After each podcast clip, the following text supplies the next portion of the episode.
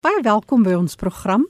Ons het vandag meer oor die sensitiseringsproses en bewusmaking. Dis opleiding wat aangebied word vir ons om bewustheid te kweek ten opsigte van ons houding en die manier hoe ons persone met gestremthede aanspreek.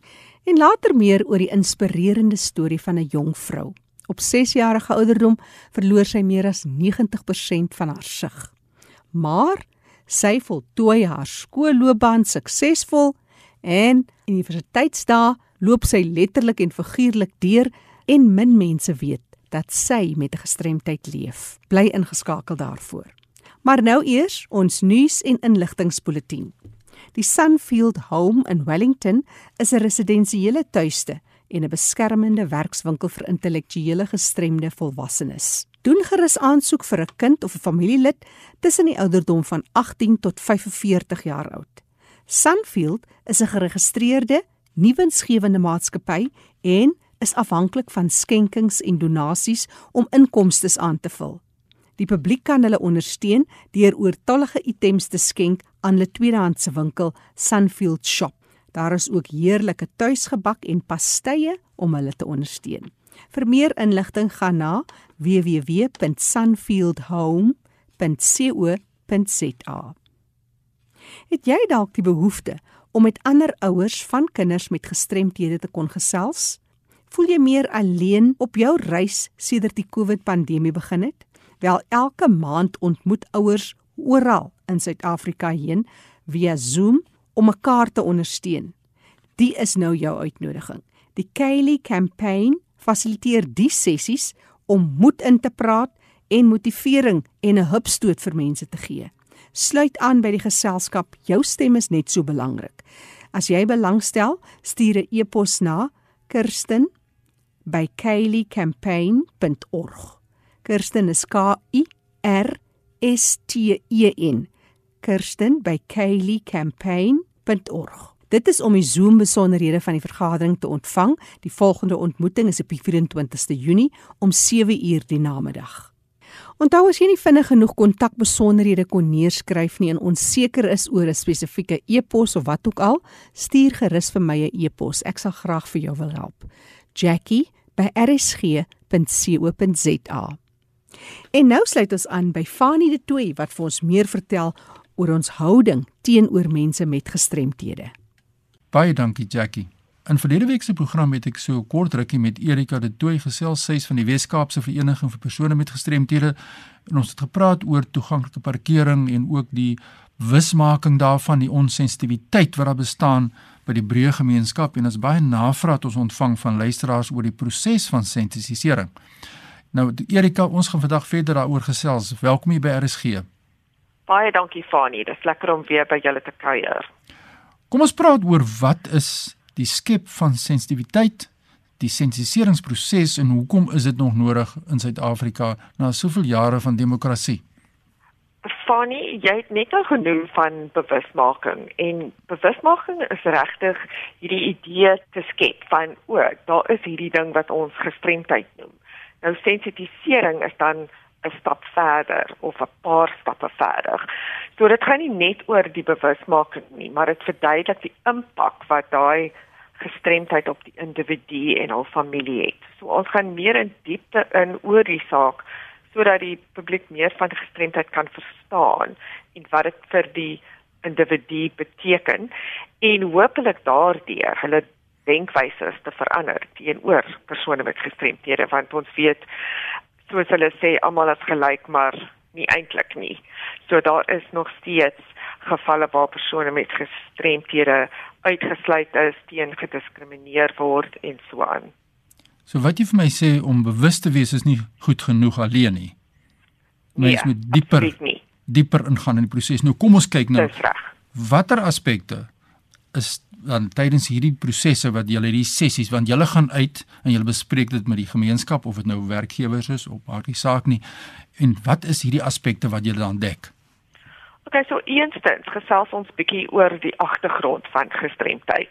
Daar is mense wat geensins kontak gehad het met iemand met 'n gestremdheid. So vir hulle is dit heel vreemd. So ons gesels bietjie oor waarvandaan dit kom, wat sê wetgewing daaroor en net so 'n bietjie van 'n agtergrond te skep en dan gaan ons in en ons verduidelik maar wat is gestremdheid? Wat is die definisie daarvan? En wat veroorsaak gestremdheid in die gemeenskap? Ons handel ook bietjie oor statistiek.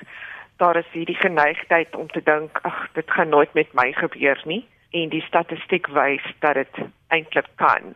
En dan waar staan is A, Suid-Afrika teenoor die wêreld in terme van inklusiwiteit van persone met gestremthede oor gevalle van gestremdheid binne Suid-Afrika. En en dan raak ons net bietjie meer in diep. Wat is die oorsake van verliese? Wat veroorsaak die gestremdheid? Wat se tipe gestremdheid is daar? Daar is vyf verskillende. En dan bietjie meer prakties. Wat se hulpmiddels is beskikbaar watter organisasies bestaan van en vir persone met gestremdhede wat hulp kan aanbied dan kyk ons ook um aspekte soos toeganklikheid en inklusiwiteit redelike akkommodasie en wat dit alles beteken en hoe mense dit kan kan toepas. En dan ook hoe ons praat oor gestremdheid. Um ons handel oor korrekte terminologie wat wat is aanbeveel om te sê en wat is nie aanbeveel om te sê nie.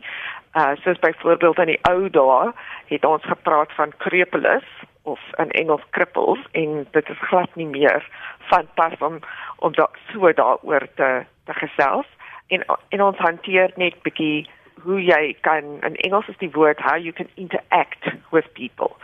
Um so wenke ook oor hoe om met persone met verskillende gestremthede te kommunikeer. Gewoonlik is daar iemand met 'n gestremdheid saam en hulle gesels bietjie oor hulle persoonlike storie en en so aan. So dis kortliks wat dit alles behels. As ons kyk na toeganklikheid, is dit ook nodig dat jy natuurlik daardie saak bespreek in so 'n sensitiseringssessie? Dis reg. Ja. En ook die feit dat ehm um, mense dink baie keer of meestal eintlik dat toeganklikheid gaan oor die fisiese omgewing. Ja. Nou trappe en toilette en dit gaan oor veel meer as dit. Daar is toeganklikheid van inligting, daar's toeganklikheid van kommunikasie en dan die die grootste struikelblok of uitdaging is mense se houdings wat wat ander mense uitsluit. Dit val alles onder toeganklikheid en ook dat minder mense met 'n minder sigbare vorm van verlies of impairment soos dit in Engels bekend staan word nie altyd onder dieselfde kam geskeer as die ander wat meer sigbaar is nie. Stem jy saam daarmee? Dis reg ja. En daar word baie keer vir vir daai persone gesê jy sit net aan. Ja. of um you know ruk jouself reg. Jy jy's eintlik fyn ja. Kyk na die ou in 'n rolstoel. Ja, en as baie. Um, en 'n mens kan glad nie die twee vergelyk nie. Ja, absoluut. Wen mens kan nie almal onder dieselfde kam skeer nie en dan dinge wat 'n mens nie kan sien nie, maak jy gewoonlik nie voorsiening voor nie. En dis hoekom baie van die plekke toeganklik is sê net maar vir rolstoele, maar as 'n mens praat van mense met sigverlies of gehoorverlies of minder ander minder sigbare forme van verlies, dan is dit nie altyd daardie toeganklikheid beskikbaar vir sulke mense nie, nê? Nee, nee. Ek kan miskien ook net noem dat daar baie wanpersepsies en mites oor gestremdheid wat bestaan. Ja. En die sensitisering help om dit ook uit die pad te ruim. So mense dink as jy nie blind lyk nie, dan is jy nie blind nie. Ja. En en as jy doof is, dan klink jy doof. As ek so mag sê, um, maar dit is nie altyd so nie. Elke persoon verskil. Absoluut. Nou julle by die Weskaapse Vereniging vir persone met gestremthede gaan dan nou uit Wie woon hierdie sessies by of na wie reik julle uit om hierdie bewustheid dan te skep en die sensitiwiteit te ontwikkel? Van hierdie sessies is beskikbaar aan enigiemand. Enig iemand kan dit bywoon. Die persoon moet net dan wil weet oor gestremdheid. Dit is ideaal om met groepe te werk en soos byvoorbeeld skole, kerke, daar vroue groepe, selfs sportklubs en werksplekke. En as ons met sulke groepe kan werk, dan word daai sessie aangepas tot daardie spesifieke groep en hul omstandighede. So as ons byvoorbeeld met 'n skool werk, sal ons dan kyk spesifiek na die reg van kinders tot gelyke opvoeding om sodoende beide die onderwysers en die kinders verhoudings te verander. Ja. Met die hoop dat hulle in die toekoms kinders met gestremthede by die skool sal insluit. Daar is nie tyd tydens die sessies om in diepte in te gaan oor hoe om dit te bewerkstellig, maar die doelwit is is net om daai saadjie te plant om houdings te verander. Moeilike vraag miskien, maar is daar sekere instansies wat meer na vore kom by julle? En sê kom vertel ons in ander instansies wat miskien nog baie werk nodig het volgens julle? Ja, definitief. Soos ek sê, dit is vir die breë gemeenskap, maar die oorgrootste meerderheid van navrae wat ons ontvang kom vanaf werkgewers. En miskien omdat daar meer beweging is om persone met gestremthede in die arbeidsmark te kry.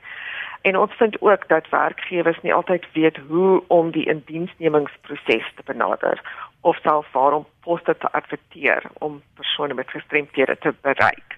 En selfs as die persoon klaar werksaam is in die maatskappy, hoe doen hulle nou? Hulle het nou in Engels sê hulle hulle het gedisclose Hulle ja. het nou gesê hoor ek het hierdie verlies. Nou ewe skielik vir die werkgewer hoe moet hy nou met die persoon maak? Hulle het net geen idee nie. Dit is nie regtig iets wat wat in besigheidskool geleer word of selfs met menslike hulpbronne word daar nie regtig tyd daaraan spandeer nie. So dit is 'n ek sou sê 90% van ons werk is met maatskappye. Ek is natuurlik persoonlik baie bekommerd oor die ouer wordende persone mense wat in huise is in terme van hulle gestremdheid. Die vergene wat hulle daar bevind en gestremd is en die opleiding wat nie altyd daar aangebied kan word weens verskeie redes miskien nie, maar daar is ook baie werk vir ons wat wag. As mense nou luister na ons gesprek en wil graag vir julle kontak by die vereniging in die Wes-Kaap en uh, hulle sessies om aan te bied en natuurlik julle werk ook by die nasionale raad van en vir persone met gestremdhede in Suid-Afrika wat ook sessies aanbied en ander instansies wat ook aanbied. Waar kan hulle vir jou aan die hande hier in die Weskaap? Van my kantoor telefoonnommer is 021 355 2881 of hulle kan vir my direk ehm um, e-pos by in Engels awareness@wcapd.org www.rsg.co.za. Dit kom direk na my rekenaar toe en ek kan dan aandag gee. Raaf ons se telefoonnommer? Dis 021 355 2881. Nou dis die kontak besonderhede van Erika de Tooy, sy is by die Wes-Kaapse Vereniging vir persone met gestremthede en ons nou gehoor die groot behoefte wat bestaan om bewustheid te skep om te verstaan waarom, wat is die regte impak wat dit het op die persoon, die verlies wat die persoon mag ervaar en hoe ons die gemeenskap meer toeganklik kan maak vir mense met gestremthede en vir alle mense. Erika baie dankie vir hierdie gesprek. Ek hoop nog meer mense kom na vore in aanvraag tot hierdie sessies. Groetens hier van ons kant by RSG aan jou. Baie dankie Fani. Ja, Jackie, ons te verbintenis om rolspelers bekend te stel sodat die gemeenskap kan ingelig word oor wat beskikbaar is en hierdie programme is fantasties. Ek is self deel van sulke programme en dit maak 'n groot verskil. Indien jy e-pos aan my wil stuur, my e-pos is fani.dt by mweb.co.za. Groetens uit Kaapstad. Baie dankie Fani vir jou bydrae. Die program Leefwêreld van die Gestremdes beskikbaar as 'n potgooi. Onthou jy kan weer daarna gaan luister. Gaan na rsg.co.za, klik onder potgooi en L vir leefwêreld van die gestremde met vandag se datum. Ek gesels vandag met Otilia Baans. Otilia gee ons net eers so 'n bietjie agtergrond. Hoe lyk 'n dag in die lewe van Otilia Baans?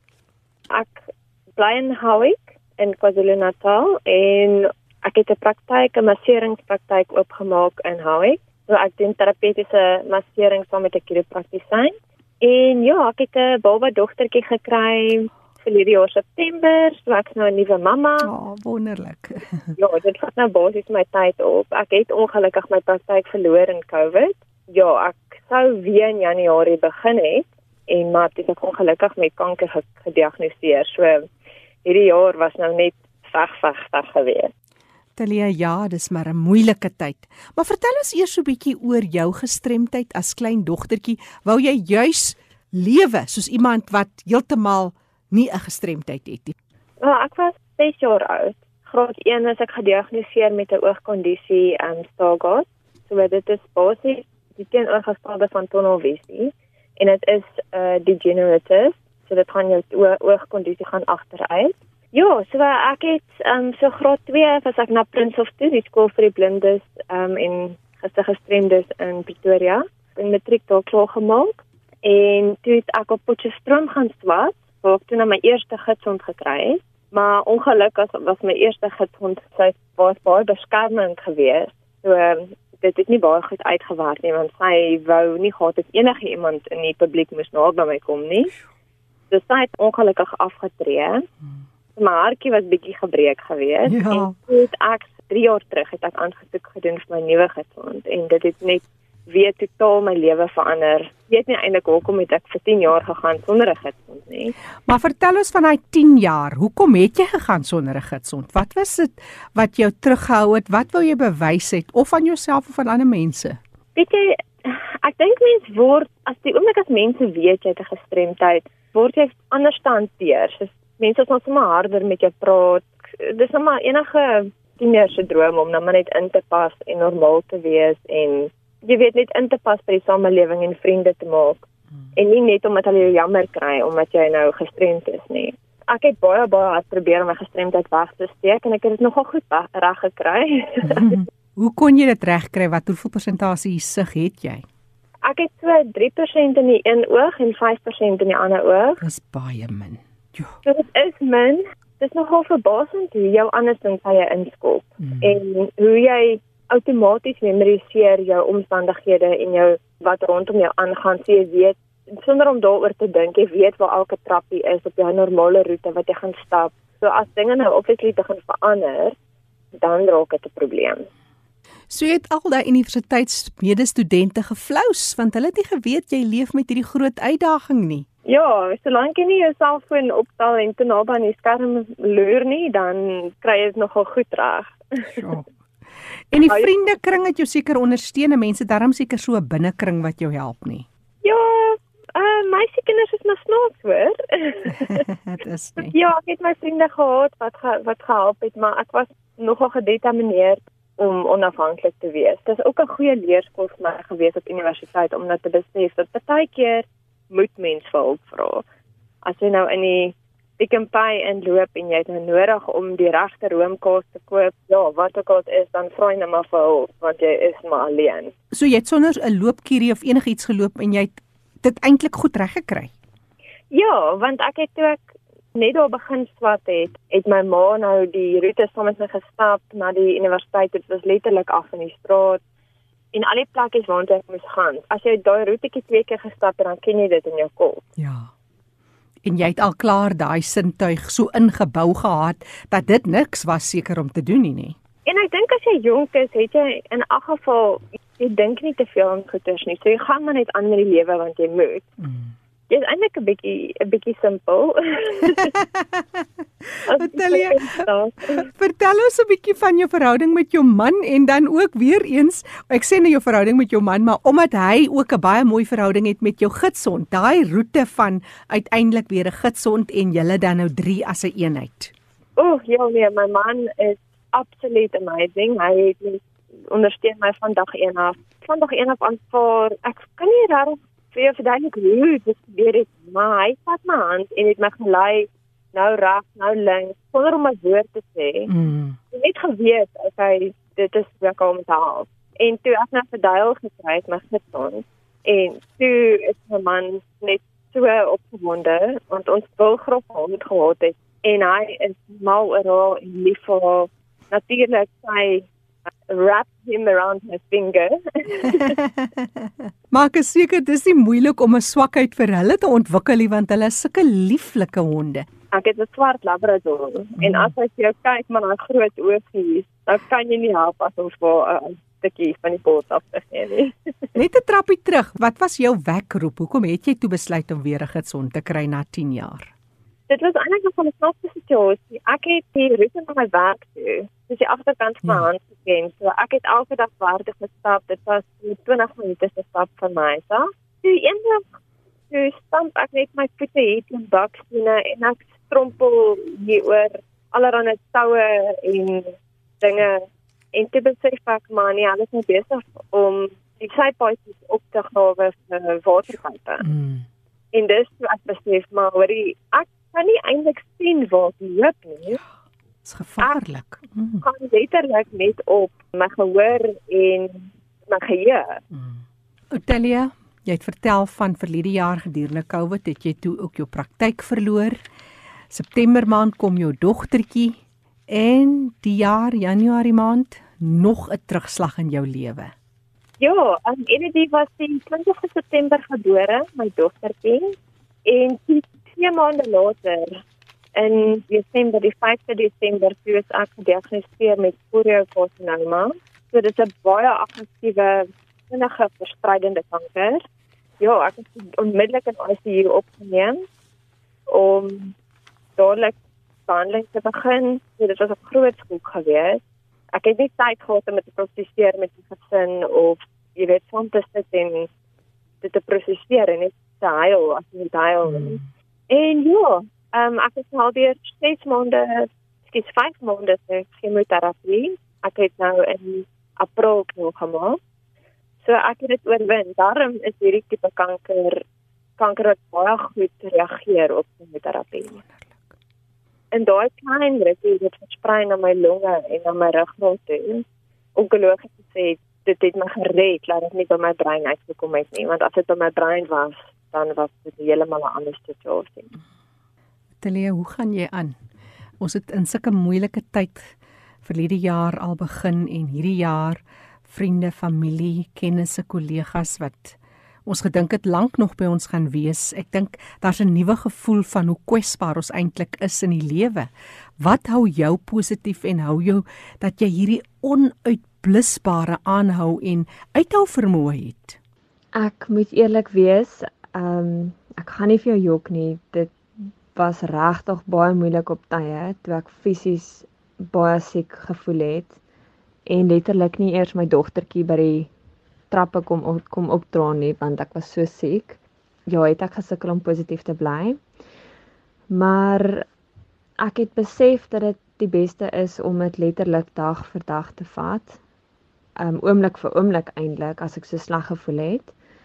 En ek het regtig baie fokus gesit op nie die klein genotte in die lewe, die klein goedjies wat my gelukkig gemaak het, soos net om te sit en 'n lekker koppie tee te drink en om langs my man wakker te word om my dogtertjie in die oggend te groet as sy deur die nag lekker geslaap het om haar gesiggie te sien en haar glimlaggie te sien en as ek sterk genoeg gevoel het het ons gaan stap langs die rivier en ek het net na die voeltjies geluister en na die wind deur die blare en so lekker gelag vir Dale as hy gebaljaar het um, in die water in die rivier en met die ander honde gespeel het.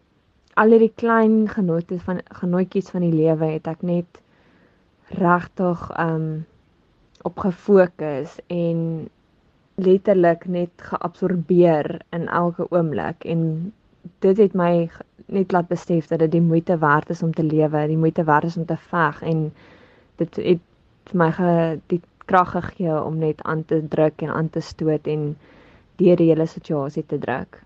En dit my laat besef dat dit regtig 'n geskenk is om mens te wees en om te kan lewe. As jy kontak wil maak met Otilia, kan jy vir haar e-pos stuur, otiliabaans71 by gmail.com. En Otilia word geskryf O T I L L I A. Dit is taliabaans71@gmail.com.